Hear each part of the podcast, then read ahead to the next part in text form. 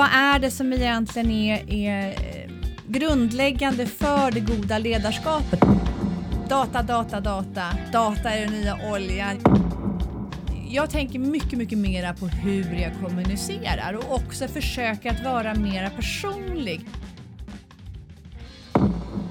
Jämtopia presenteras av Peak Innovation i samarbete med poddverandan och bildredaktionen. Podden finansieras av Europeiska regionala utvecklingsfonden och Region Jämtland Härjedalen. Hej, hej! Varmt välkomna till Jämtopia, podden som handlar om näringsliv, entreprenörskap, företagande och såklart då Jämtland och Härjedalen. Idag har vi med oss Eva Fors som är chef för Google Cloud i Norden och som faktiskt beskriver Jämtland som sitt andra hem. Eva, jag sa här i inledningen att du har Jämtland som ditt andra hem. Vi börjar där tycker jag. Vad är din relation till Jämtland Härjedalen? Jag älskar snö, jag älskar vinter, jag älskar att vara ute i naturen och vi har spenderat väldigt mycket tid uppe i Åre med hela familjen och för fyra år sedan så gjorde vi slag i saken att istället för att hela tiden hyra nya boenden så köpte vi en egen lägenhet och det säger vi ofta är det bästa vi någonsin gjort som familj. Vi älskar att sätta eh, nyckeln i låset på lägenheten. Allt stress och all storstadstvång eh, rinner liksom av när man kliver in genom den dörren. Så att vi spenderar mycket, mycket, mycket tid uppe i Åre och framförallt det här året där det inte finns så mycket annat att göra så har vi varit uppe och man dessutom har en ännu högre flexibilitet i sitt dagliga liv så har vi varit uppe väldigt många helger och även över hela jul och hela nyår.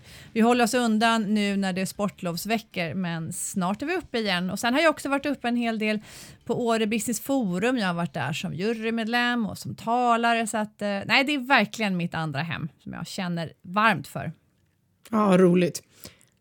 Är du där på, liksom, är det mest vinter eller blir det på vår, höst, sommar också? Jag måste säga att vi, vi är där mest vinter. Vi är alltid där någon gång på våren, någon gång på sommaren, någon gång på hösten. Men, men vi har Först och främst så är det att vi älskar att stå på skidor så att det är definitivt mer en vinterlägenhet än någonting annat. Ibland så säger vi ofta det när vi är där uppe att tänk om vi kunde bo här och de här behöver ju inte större än så här. Det går ju jättebra. Då, då muttrar båda tonåringarna och tycker att nej, kanske inte på heltid. Någon måtta får det vara där för dem, ja. Eh, du är då Nordenchef på Google Cloud. Vad innebär den rollen? Vad gör du på jobbet?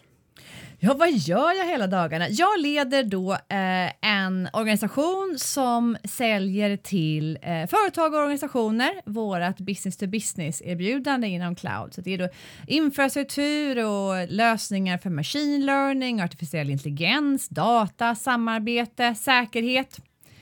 Så att det är det jag gör hela dagarna. Så jag har drivit en ganska stor organisation som är då spridd över de fyra nordiska länderna. Mm, vad är roligast med ditt jobb? Men det är kontakten med kunder och partners och det gör väl också de här dagarna som lite lite, lite fattiga när man träffas bara tvådimensionellt och inte tredimensionellt med, med kunder och partners. Men jag älskar att eh, träffa kunder och partners och också att bygga team och vara nära kollegorna. Eh, och att gå ut i marknaden med ett erbjudande som vi tycker är jättestarkt och, och se hur det kan förändra eh, företag och organisationer i deras sätt de går till marknad. Det tycker jag ger, eh, det är härliga bevis. Mm. Vad, händer det något särskilt hos er på jobbet just nu som är, som är roligt och värt att berätta? Vi växer så det knakar. Vi fortsätter att rekrytera. Vi har inte slagit av på takten. Vi fördubblade vår organisation 2019. Vi fördubblar den 2020. Vi fortsätter att eh, växa och växa i takt med, med antalet kunder som, som, vi eh, knyter till oss och skapar helt nya kunddialoger. Så det är jättespännande och det är roligt att se. För Det är ju inte för inte så att den här pandemin har ju ökat på eh, den digitala transformationen i många organisationer och företag, vilket gör det att jag tror att vårt erbjudande ligger väldigt rätt i tiden. Så att det är, det är full fart. Mm. Vilka, vilken typ av företag vänder ni er till? Våra tjänster inom Google Cloud.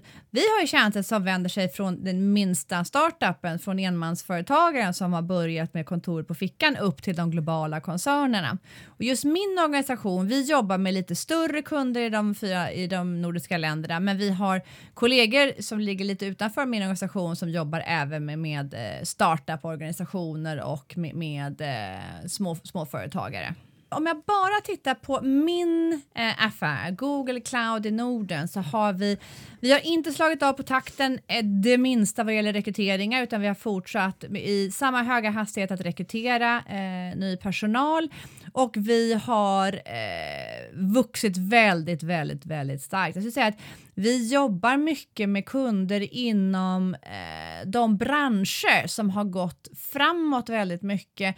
Eh, vi har mycket kunder inom retail, inom financial services, inom telekom, media, entertainment.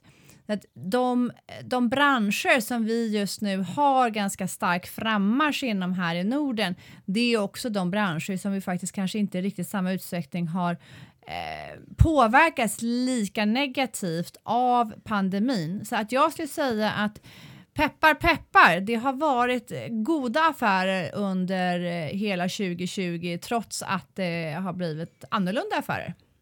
Mm. Du, du leder ju en organisation då som växer väldigt starkt och samtidigt så får ni inte träffas. Eh, jag vet att ledarskap ligger dig väldigt varmt om, om hjärtat. Hur tänker du kring den ekvationen? Den här pandemin påverkar alltså ju alla. Jag menar själv så var jag i Italien vecka nio förra året. Eh, vi brukar undvika just sportlovsveckorna som sagt var uppe i Åre, men på torsdagen där eh, i sportlovsveckan förra året så kom det då ett eh, mejl från Google Security att var man inom eh, vissa regioner i Italien så skulle man gå in i självkarantän i 14 dagar. Man fick inte komma tillbaka till kontoret och det kändes ju alldeles orimligt eh, vid, vid det första liksom meddelandet. Jag får inte komma till kontoret på 14 dagar. Jösses, vad, vad är det här? Jag var tvungen att dubbelkolla det hela. Och sen så, jag tror det var dag 10 på min självkarantän, så stängde vi ner hela eh, Google. Eh, runt om hela världen så stängde alla kontoren ner och alla började jobba hemifrån. Och allting, men vi har ju haft förmånen att ha ett väldigt, väldigt bra digital plattform redan från början. Så för oss så var ju själva omställningen, att kunna utföra det praktiska arbetet var egentligen ingen omställning alls. Eh, det gick liksom lika bra. Det har inte varit några problem att, att gena, liksom, köra jobbet. Däremot så måste man ju liksom göra saker på ett helt nytt sätt. Eh, gå tillbaka till det här med rekrytera. Hur rekryterar man alla dessa individer? Jag har rekryterat en ny chef i Finland, en ny chef i Norge. Jag har aldrig träffat eh, vare sig min, min finska kollega eller min norska kollega. Vi har rekryterat många nya specialister som ju då börjar är ny på jobbet utan att varken träffa sina chefer, sina kollegor eller man får liksom saker och ting hemskickat i ett Eh, paket utanför dörren så står det en dator och så får man lite hjälp digitalt. Och, och det gör att vi måste förändra hela sättet vi, vi onboardar personer. Vi måste förändra sättet vi kör våran governance och också sättet vi faktiskt säljer. Jag driver ju en säljorganisation och helt plötsligt kan vi inte träffa kunder utan vi måste köra allting digitalt. Så det har ju varit en jättestor förändring. Och jag tror att det är viktigt som ledare att, att vara på tårna, eh, ha liksom fingertoppskänslan och vara dynamisk. För den sanningen som gällde eh, för en månad sedan behöver inte vara giltig idag. Jag tror att bara så här kanske lite tramsig reflektion, men, men från början så var det så nästan lite spännande att ha digitala AV. Så åh, nu ska vi sätta oss och, och ta en digital AV fr framför skärmen en, en fredagkväll och, och, sitta med ett glas vin som avslutning på veckan. Det känns inte alls relevant och aktuellt just nu skulle jag vilja säga, utan man måste, man måste hitta ett, en, en, ett nytt sätt att förhålla sig till varandra och ett nytt sätt att skapa de sociala kitten. För trots allt så är vi sociala varelser och, och det är oavsett hur fina tekniska plattformar man har att jobba med så är det svårt att få liksom hela människan in i det digitala mötet. Mm. Hur gör du då för att liksom bibehålla och även sprida entusiasm och ja, liksom det man behöver som, som ledare, att motivera människor och få dem att gå, liksom följa, följas åt. Hur, hur gör du? Hur har du liksom jobbat med ledarskapet? Jag har sett till att jag är ännu mer tillgänglig, ännu mera eh, eh, tillgänglig för kommunikation, för dialog. Jag har, eh, vi har sett till att vi har tätare möten. Tidigare så hade vi eh, månadsmöten, nu har vi möten varannan vecka med hela organisationen. Vi skickar ut våra nyhetsbrev. I min ledningsgrupp så har vi tidigare så hade vi ett veckomöte. Nu har vi liksom eh, måndagens veckomöte. Sen har vi kompletterat det med både en onsdagskaffe och en fredagskaffe som då är frivilliga där då liksom veckomötet på måndagar är lite mer obligatoriskt och sen så onsdag och fredag är mera frivilliga.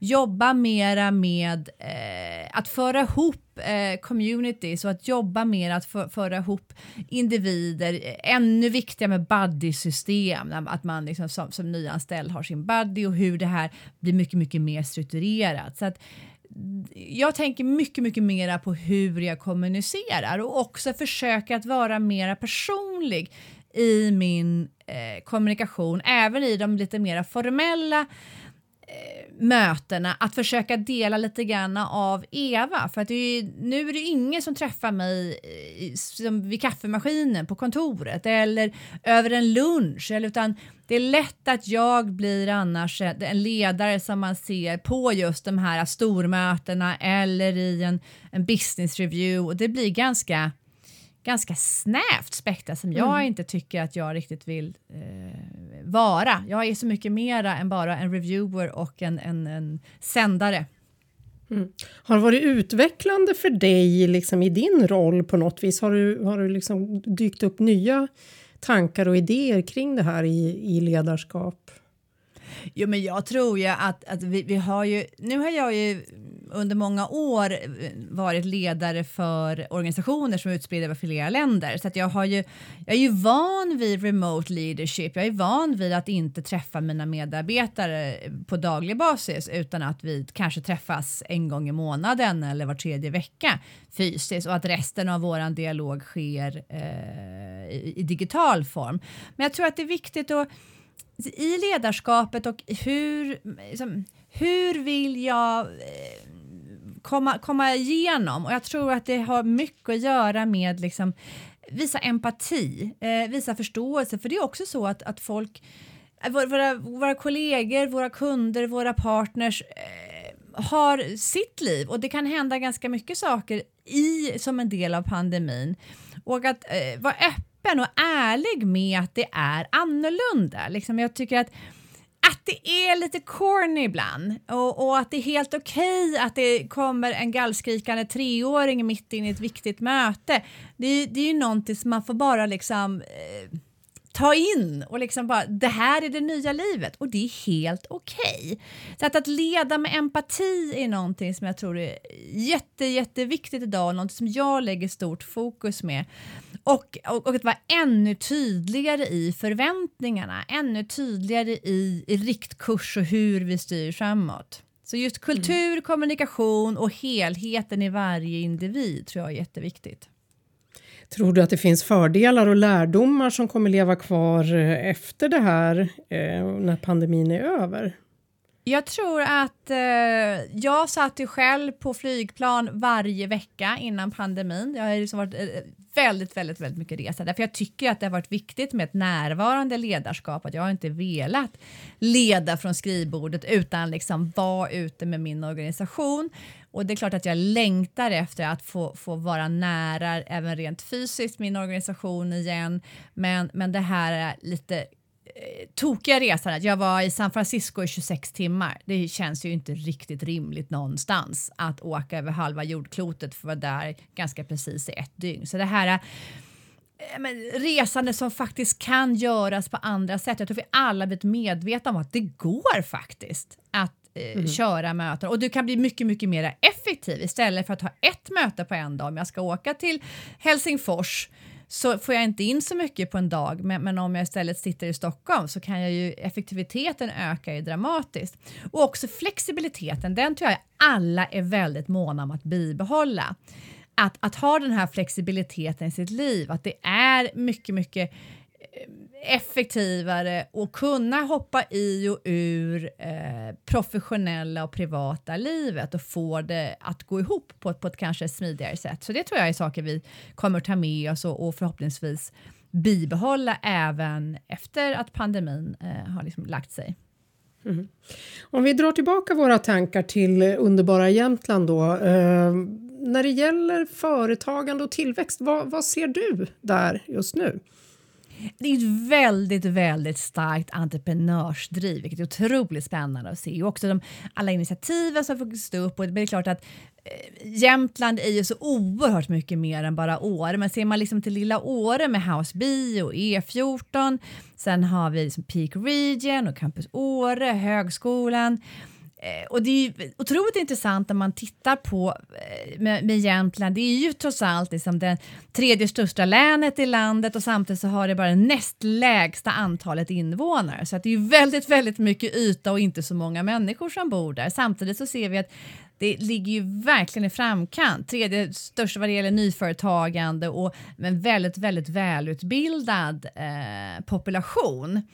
Så att just entreprenörskapet och drivet att det skapas mycket spännande idéer. Så jag kan ju fortfarande tycka att det är lite sorgligt att, att se att Lars är fortfarande det vanligaste namnet på företagsledare i Jämtland.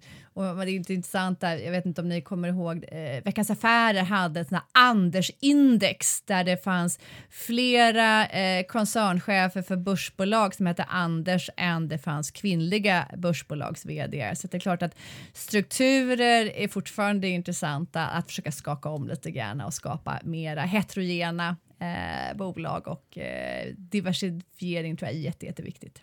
Mm. Eh, Anders indexet finns, har lite mer att önska kan man säga där. Eh, om, man, om, man är, om man är en av de här entreprenörerna som sitter med en bra idé eller till och med en färdigutvecklad eh, produkt då, hur, hur ska man skala den och komma vidare? Jag tror att det är jätteviktigt att börja med att man verkligen sätter upp ett tydligt mål. Vart ska du och bygga utifrån det? Eh, Sen är det så att ska man bygga ett, ett företag så behöver man förstå sin affärsmodell. Hur ska jag gå till marknad? Och lite grann, det kan låta girigt, men follow the money. Förstå principen för hur bygger jag e-, ett bolag? Ska jag jobba med direktförsäljning, indirekt försäljning? Eh, att förstå värdet av sälj. För det känner jag att många bolag börjar med en fantastisk affärsidé, men sen förstår man liksom inte att det är väldigt, väldigt, väldigt få saker i världen som säljer sig självt. Och jag kan uppleva att många eh, nystartade bolag satsar lite för sent på säljet. Det behövs en riktigt sälj och sälj är i sig en egen disciplin. Det tycker jag är viktigt att, att faktiskt, för nu är jag ju en ambassadör själv för sälj, men, men jag talar kanske lite grann egen sak. Men jag ser att man saknar ibland liksom driv på hur sjutton ska man ta den här fantastiska idén till marknad? Eh, att, att förstå sin unikitet och verkligen där be om hjälp och, och be människor i sin omgivning att slå hål på eh, sina illusioner. Det tror jag är jätteviktigt. För det är så otroligt lätt att bli så förälskad i sin egen eh, idé. Det blir som en bebis som man faktiskt eh, jobbar 7-24 med. Eh, så man förstår vad är unikiteten i den här idén eh, och den här eh, företaget jag bygger och hur kan jag replikera? För replikerbarheten är ju ett sätt att skala.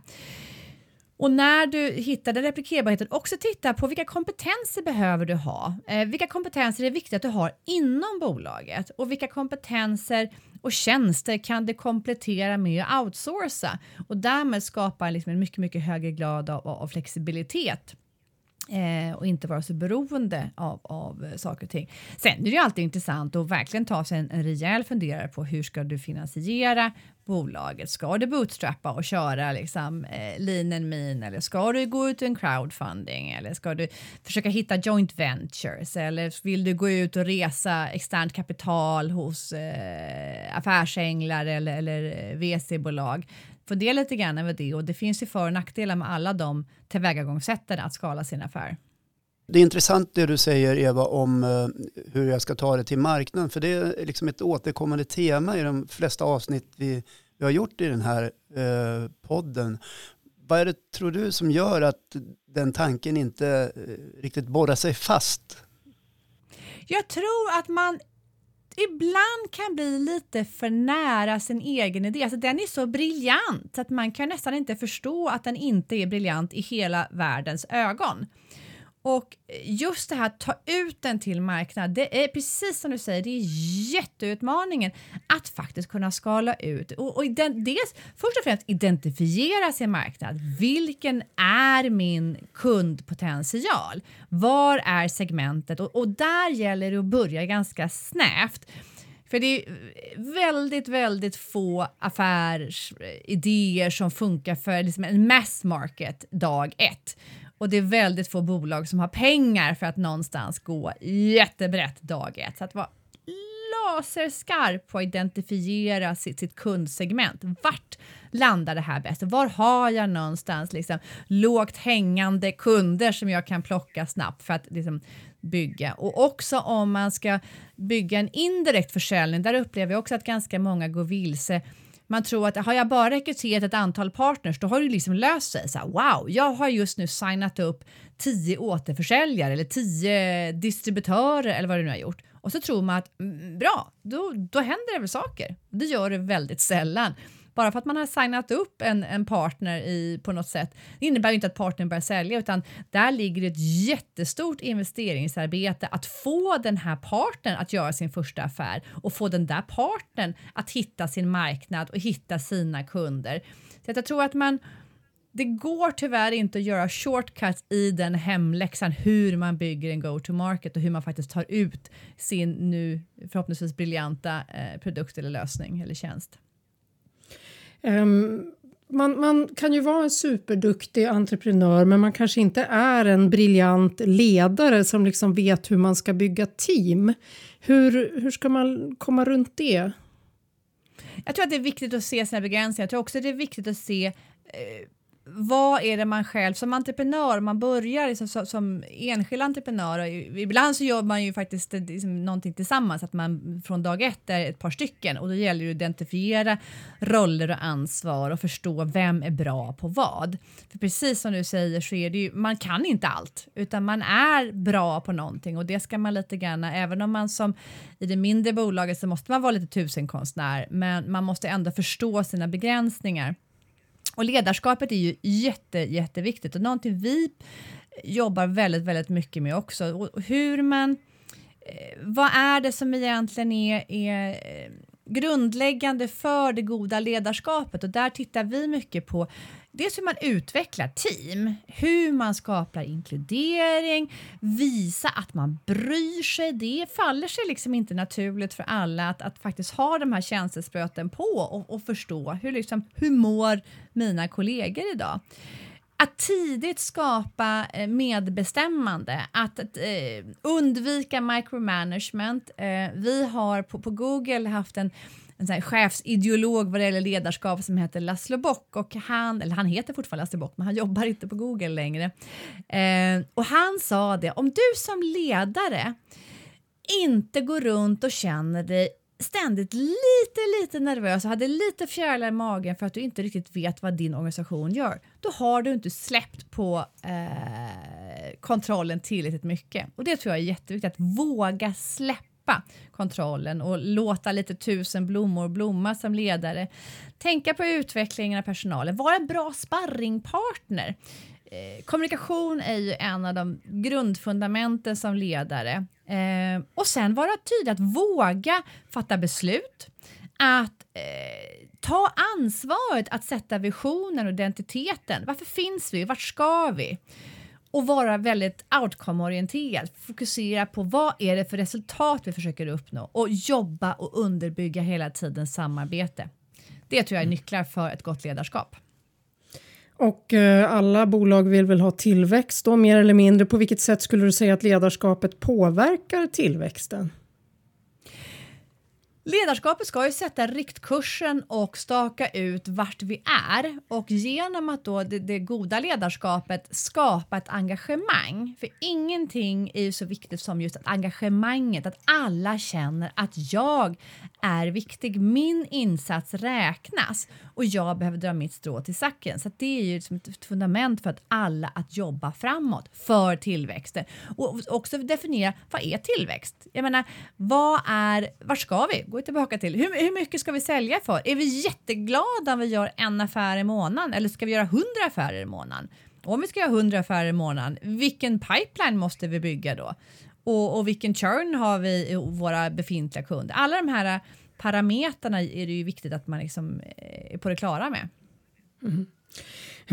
Om vi tar en lite större eh, blick då, vi lyfter blicken lite. Vad ser du för trender just nu inom din bransch? Det, man pratar mycket om data, data, data. Eh, data är den nya oljan. Jag hittade något ganska skojigt eh, citat tycker jag som säger att data is the sword of the 21st century and those who wield it well, the new samurais. Det känns ju mm. lite roligare att vara samuraj kanske än att vara någon, någon oljeborrare. Eh, att använda data, för just nu så har du så mycket data om dina kunder som, som du inte använder effektivt i de flesta organisationer och också förstå hur man kan använda dina egna datakällor med tredjepartsdatakällor. Så att det är ju någonstans fundamentet. Hur kan vi bli mera effektiva i användandet av data? Det är någonting som jag upplever alla kunder eh, förstår att det ligger liksom en enorm guldgruva där. Man har inte riktigt förstått nyckeln att kunna öppna upp det. Så det, det eh, fokuset på data eh, skulle jag säga är oerhört viktigt. Mm.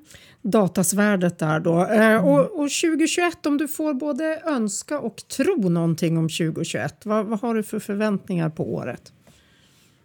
Jag ser ljus på framtiden. Jag är optimist till min natur. Jag tror att vi alla behöver komma tillbaka till liksom det nya normala. Jag är i enormt behov av, av, att kunna öka mina sociala kontaktytor igen i den riktiga världen, i den fysiska världen och kunna återigen gå tillbaka till, till fysiska möten där det behövs och ha det som liksom bränsle i det fortsatta eh, arbetet.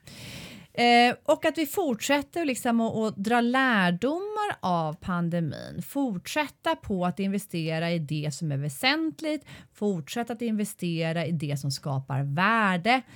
Men eh, jag ser verkligen fram emot en vår, en sommar och kanske ännu mer en höst där vi får tillfälle att mötas igen även i den, den, den fysiska världen. Och själv så ser jag som ljusnande framtid i vår. Mitt, mitt äldsta barn tar studenten så det blir också en, en stor eh, stor eh, livsomvälvande sak som även händer i, i, min, i min familjs liv.